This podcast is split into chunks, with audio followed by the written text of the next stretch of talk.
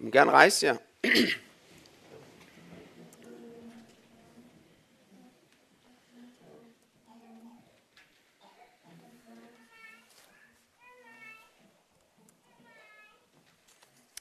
Vi skal lytte til øh, evangelieteksten, juleevangeliet.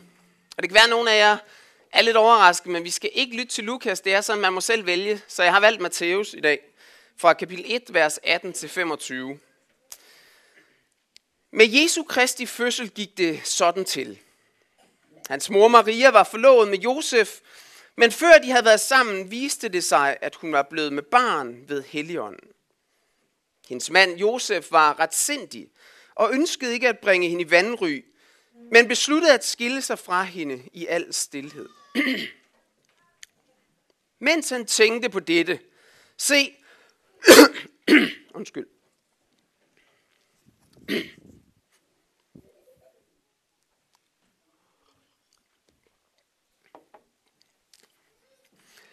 Mens han tænkte på dette, se, der viste Herrens engel, der viste Herrens engel sig for ham i en drøm og sagde, Josef, Davids søn, vær ikke bange for at tage Maria til dig som hustru. For det barn, hun venter, er undfanget ved Helligånden. Hun skal føde en søn, og du skal give ham navnet Jesus. For han skal frelse sit folk fra deres sønder.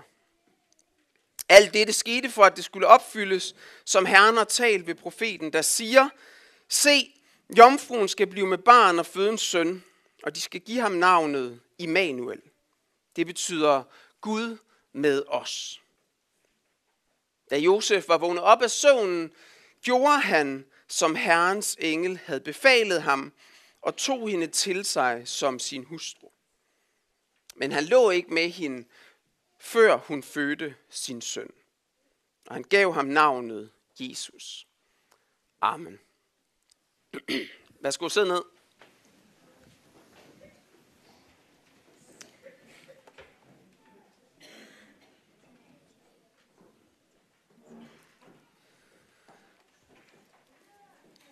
Derhjemme, der har jeg nogle gange her i december lyttet til en nyere julesang, som hedder hvad med Josef? Jeg ved ikke, om der er nogen af jer, der kender den. Men øh, det, at jeg lyttede til den, og så kombineret med, at teksten i dag på en eller anden måde har mere fokus på Josef end Maria, måske i modsætning til Lukas evangeliet, som vi altså ikke lytter til, men som I jo passende kan læse, når I sidder der i aften og skal fejre jul rundt i hjemmene, så kan I jo læse fra Lukas evangeliet kapitel 2. Men den her, den har mere fokus på Josef end på Maria.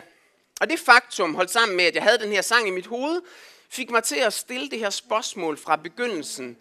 Hvad med Josef? Nu skal prædiken juleaften ikke handle om Josef.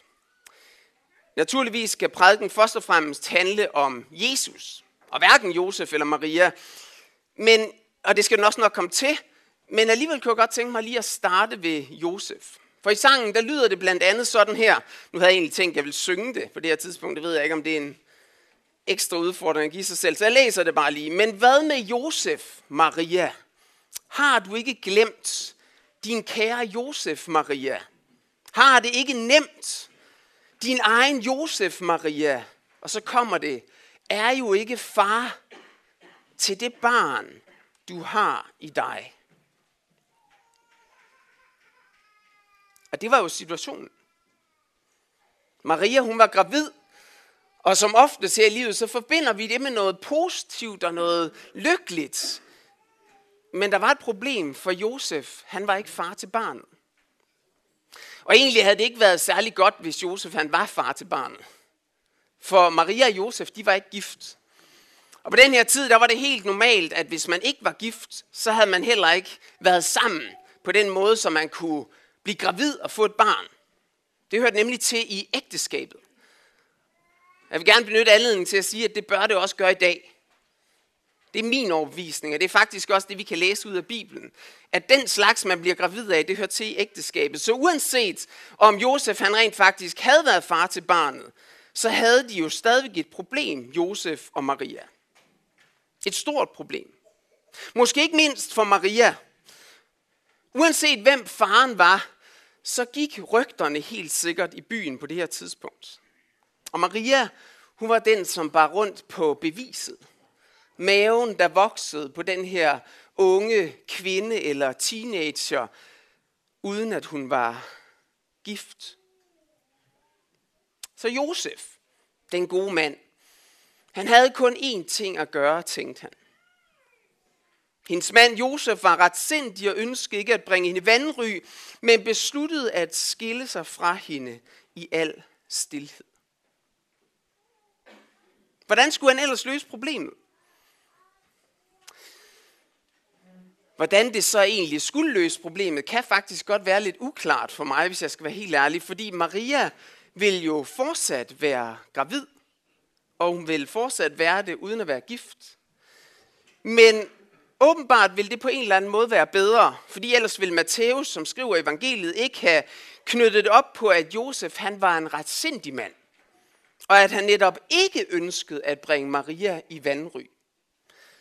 Så at skille sig fra hende var til synligheden den bedste beslutning, som den gode Josef han kunne træffe, når han bare gik der med sig selv. Her skal vi så lige huske, for en ordens skyld, at det at skille sig fra hende jo altså ikke er skilsmisse. Det er ikke det, Josef han beslutter, for de var jo rent faktisk ikke gift endnu. Men på den anden side set, så var de forlovet. Og det at bryde en forlovelse var på den tid, og er det sådan set heller ikke i dag, sådan lige en enkelt sag. Det kan godt skabe en del drama, hvis man kommer en uge før det der bryllup, der er planlagt, og siger, vi skal ikke giftes alligevel. Og det kunne det i den grad også dengang. Så det var en stor beslutning.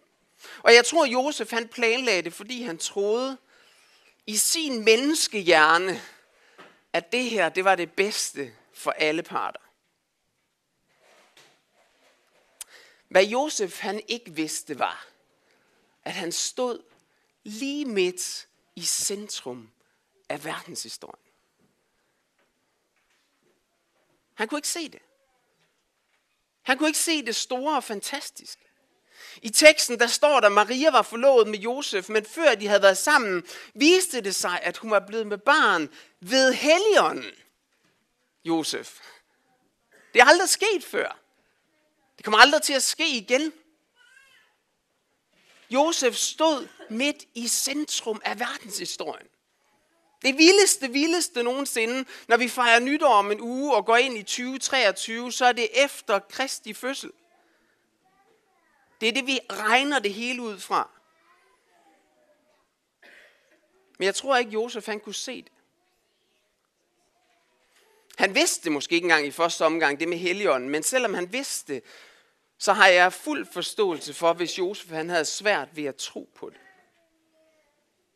Han så bare problemer. Han så vandry. Han så potentielt sladder i byen. Og ved I hvad? Så handlede Josef. Så handlede han, for sådan er vi mænd mange gange. Vi ser et problem, og så kaster vi os ud i at løse det. Og det her det bliver en lille smule ironisk, når I nu kender min morgen her. Ikke? Og måske kunne jeg faktisk allerede her have lært noget af Josef, fordi i virkeligheden er, det gjorde Josef jo ikke, hvis I hørte ordentligt efter i teksten. Han handlede ikke med det samme. Han overvejede det. Han havde måske også sådan været på vej til at beslutte det. Men så ventede Josef. Så står der med sanden, at Josef han tænkte. Hvem havde set det? En mand, han har set et problem, og i stedet for bare at gå hen og gøre noget, så tænker han sig om. Det er fremragende det her. Vi kan godt lære noget af Josef. Ikke nok med, at Josef han tænkte sig om. Nej, han sov faktisk på det. Det kan man ikke altid have tid til. Men hvis man skal træffe store beslutninger, så er det godt at sove på det. Også selvom man måske synes, nu er jeg nået frem til den rigtige beslutning. Det er rigtig sundt lige at sove på det. Og hvad sker der så, mens Josef han sover?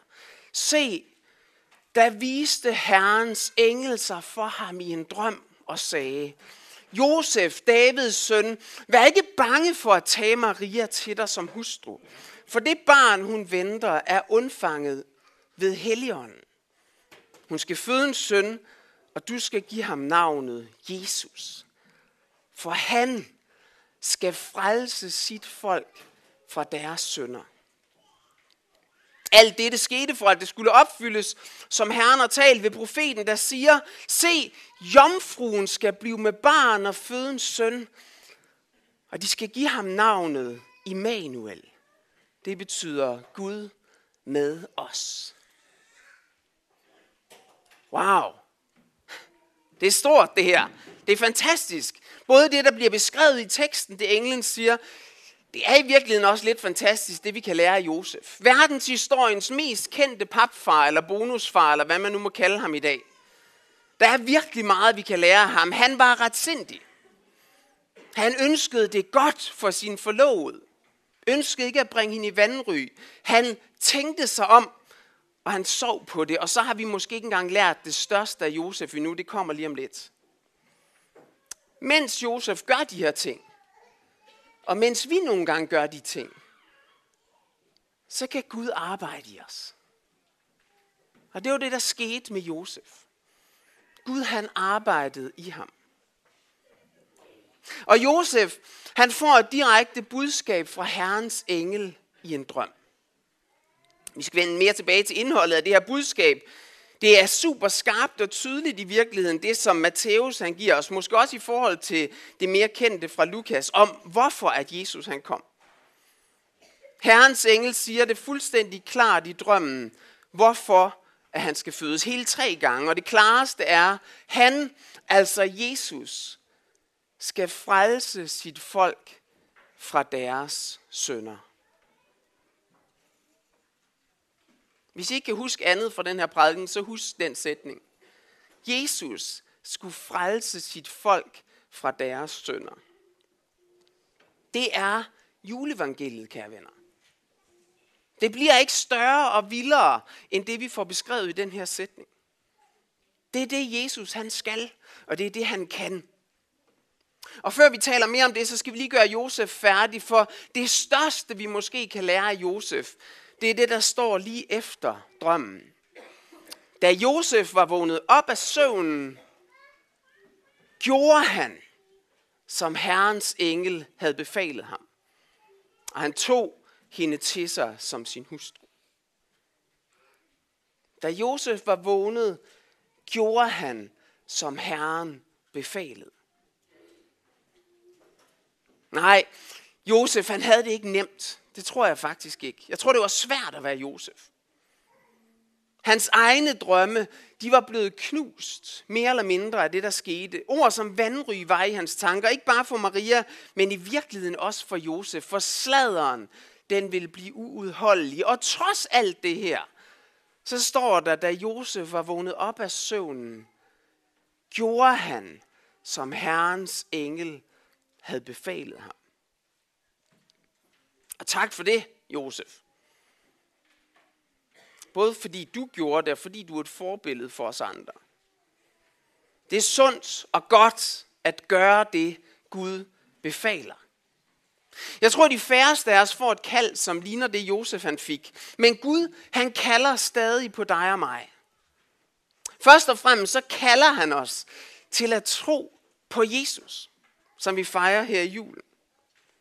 Og han kalder på mange forskellige måder. Der er mennesker i dag, som bliver kaldt på igennem en drøm, ligesom Josef han oplevede. Det er måske ikke det mest normale, men det foregår, det ved jeg. Andre kalder han på andre måder, igennem mennesker. Og alle os, der er her, kalder han på igennem sit ord. Igennem bibellæsning. Eller bibellytning. Igennem bøn igennem samvær med Gud kalder han på os. Og når vi så har læst, og når vi har lyttet, så må vi lære af Josef. Da Josef var vågnet op af søvnen, gjorde han, som Herrens engel havde befalet ham. Så var det ikke mere tid til at tænke. Ikke mere tid til at sove på det. Nej, så var det tid til at handle. Gå på Guds løfter. Og så ikke mere snakke om Josef i den her prædiken. For hvad var det egentlig, Herrens engel sagde? Hvad var det, den sagde i drømmen? Ja, der var noget med nogle navne, og de skarpe lagde måske også mærke til, at der ikke bare var et, men to navne i spil, nemlig både Jesus og Immanuel. Først stod der, hun skal føde en søn, og du skal give ham navnet Jesus, for han skal frelse sit folk fra deres sønder. Og så stod der bagefter, alt dette skete for, at det skulle opfyldes, som Herren har talt ved profeten, der siger, se, jomfruen skal blive med barn og føde en søn, og de skal give ham navnet Immanuel. Det betyder Gud med os. Man kan godt undre sig lidt her, synes jeg. Fordi hvis profetien siger, at de skal kalde barnet Immanuel, hvorfor kalder de ham så Jesus? Ja, en af grundene kunne jo være, at det samtidig også bliver sagt helt klart af englen. Det var det, Herrens engel havde sagt til Josef. Du skal give ham navnet Jesus. Og noget, vi allerede har lært om Josef, så er det, at han gør det, han får besked på. Så det gjorde han. Han kaldte ham Jesus. Det er jo en af grundene. Men hvad er der med navnet Jesus? Jesus, det kommer af det hebraiske Josva. Og hvad husker vi Josva for i det gamle testamente? Vi husker Josva for, at han var den, der tog folket, efter de havde været ude i ørkenen i 40 år, ind over den sidste grænse, ind over Jordanfloden, ind i det forjættede land, som flyder med mælk og honning. Det, som Moses ikke kunne, det gjorde Josva. Josva førte folket helt hjem. Du skal give ham navnet Jesus, for han skal frelse sit folk fra deres sønder. Jesus, og kun Jesus, kan frelse dig og mig. Loven, som Moses repræsenterer, den kan ikke. Den er givet af Gud, og den er fantastisk, men den kan ikke frelse, for vi kan ikke leve op til loven, som er givet af Gud. Vi har altså brug for noget andet end Moses, end loven. Vi har brug for Josva. Vi har brug for Jesus, som kan føre os ind i landet, der flyder med mælk og honning. Eller som kan føre os hjem til ham i himlen, på den nye jord, hvor alt bliver godt. Og det vil også på den måde, at Gud, han viser, at han er med os. På en måde kan man måske sige, at det ene navn opfyldes i det andet. Ved at Herren frelser sit folk, viser han, at Gud er med os. Indholdet i navnet Jesus er altså på en måde opfyldelsen af navnet Immanuel. Er det så stadigvæk lidt mærkeligt, at de ikke bare kaldte ham Immanuel, eller Jesus Immanuel? Hvis jeg skal være helt så synes jeg faktisk stadig, det er lidt mærkeligt. Men han fik i hvert fald navnet Jesus. Og som sagt, så er Matthæus helt klar i forhold til hvorfor. For han skulle frelse sit folk fra deres sønder. Og det kan være, at I begynder at tænke, har han ikke sagt den sætning mange gange, og det er helt med vilje, for jeg vil have, at I skal huske det. Jesus skal frelse sit folk fra deres sønder. Men hvad betyder den sætning egentlig? Hvad betyder det her med at frelse? I sådan en daglig tale i dag, så kan det godt have en negativ klang, hvis man taler om nogen, der siger, at de er så frelste. Den tror jeg faktisk, det høres i vores samfund i dag. Men hvis først man ligger i vandet, og man er i nød, så sender man jo alligevel SOS. Og indrømmer, at man har brug for lige præcis frelse. Frels vores sjæle, betyder det faktisk. Eller hvis man er ude i ørkenen, som Israel var, så har man brug for frelse. Og vores situation hver især på det åndelige plan er dybt alvorlig. Vi har nemlig det, som Bibelen kalder synd. Han skal frelse sit folk fra deres synder. Alt det, vi har gjort forkert. Og vi har brug for den frelse, som Jesus kommer med. Jeg havde faktisk også en anden sang i hovedet i løbet af december måned. En rigtig hyggelig julesang, sunget af en af Danmarks mest kendte og elskede sanger lige pt. Og I får ikke at vide, hvem det er. I får ikke at vide, hvilken sang det var. For jeg ønsker faktisk ikke at plante den sang i jeres hoved. Ikke fordi der er noget galt i den, sådan at man kan godt høre den sang nogle gange måske. Men temaet i sangen opdagede jeg alligevel, da jeg havde gået og sunget den et stykke tid, var, vi skal nok klare den. I julen, der viser vi, at vi godt kan. Der viser vi hinanden kærlighed og omsorg og inviterer indenfor. Og ved I hvad, så skal det nok blive en god jul. Og naturligvis er det godt at vise hinanden kærlighed i julen. Og det skal vi gøre, og måske især mod dem, som sidder ensomme og ikke har nogen. Men alligevel så kan den her pointe godt snige sig ind på mig og begynde at fortælle en helt anden historie end evangeliet, vi læste før. Nemlig historien om Claus. Det skal nok gå. Så slem er du da heller ikke. Det der med synd, det er måske også sådan lidt sort. Og der er langt fra den fortælling, og så til dagens helt fantastiske juleevangelium, at Jesus skal frelse sit folk fra deres sønder. Dig og mig. Se, det er jo lige præcis det, jeg har brug for. For jeg sønder. Jeg gør nogle dumme ting, kære venner, og jeg gør dem også i julen. Måske nogle gange, især i julen, når man bliver lidt presset. Vores ældste sagde til de to yngste, I skal lige huske, at mor og far, de er som regel lidt stresset i julen, så ja, måske gør vi virkelig mange dumme ting i julen, når det kommer til stykket. Og måske har vi virkelig brug for en frelser, som vil redde os, som vil tilgive os, som elsker os, som er villig til at dø for os. Som vi så fint sang det i den her nyere julesalme af Jon Poulsen. Der på højen hang han, som er Gud og dog mand. Julens største vidunder. Ja, han lå i krybben, men han hang også på højen. Jesus fødtes til at dø, for at vi kan få liv. Måske er det også derfor, at Matthæus i virkeligheden kommer ret hurtigt hen over det der med Jesu fødsel. Han indleder godt nok med at sige, med Jesu Kristi fødsel gik det sådan til, men hvis I lægger mærke til det, så hører vi ikke særlig meget om Jesu fødsel. Vi hører ikke noget om vejerne eller et eller andet. Vi hører ikke om særlig meget om forholdene. Vi hører, at Jesus blev født, og så hører vi, hvorfor. Det kommer faktisk kun i en bisætning til sidst i Matteus juleevangelium. Men han lå ikke med hende, før hun fødte sin søn. Pointen er, at og hvorfor. Ikke så meget hvordan. Han blev født for at frelse dig og mig.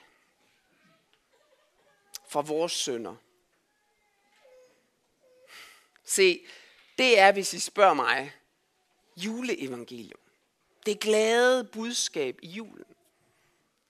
Og nu siger jeg, hvis I spørger mig, så har jeg bare lyst til at sige, det må man også gerne gøre bagefter efter gudstjenesten. Jeg løber ingen steder. Jeg kom lidt sent, men jeg lover til gengæld at blive, mens der er nogen, der har behov for at spørge om flere ting omkring det her. Kom hen og spørg, hvis I har lyst.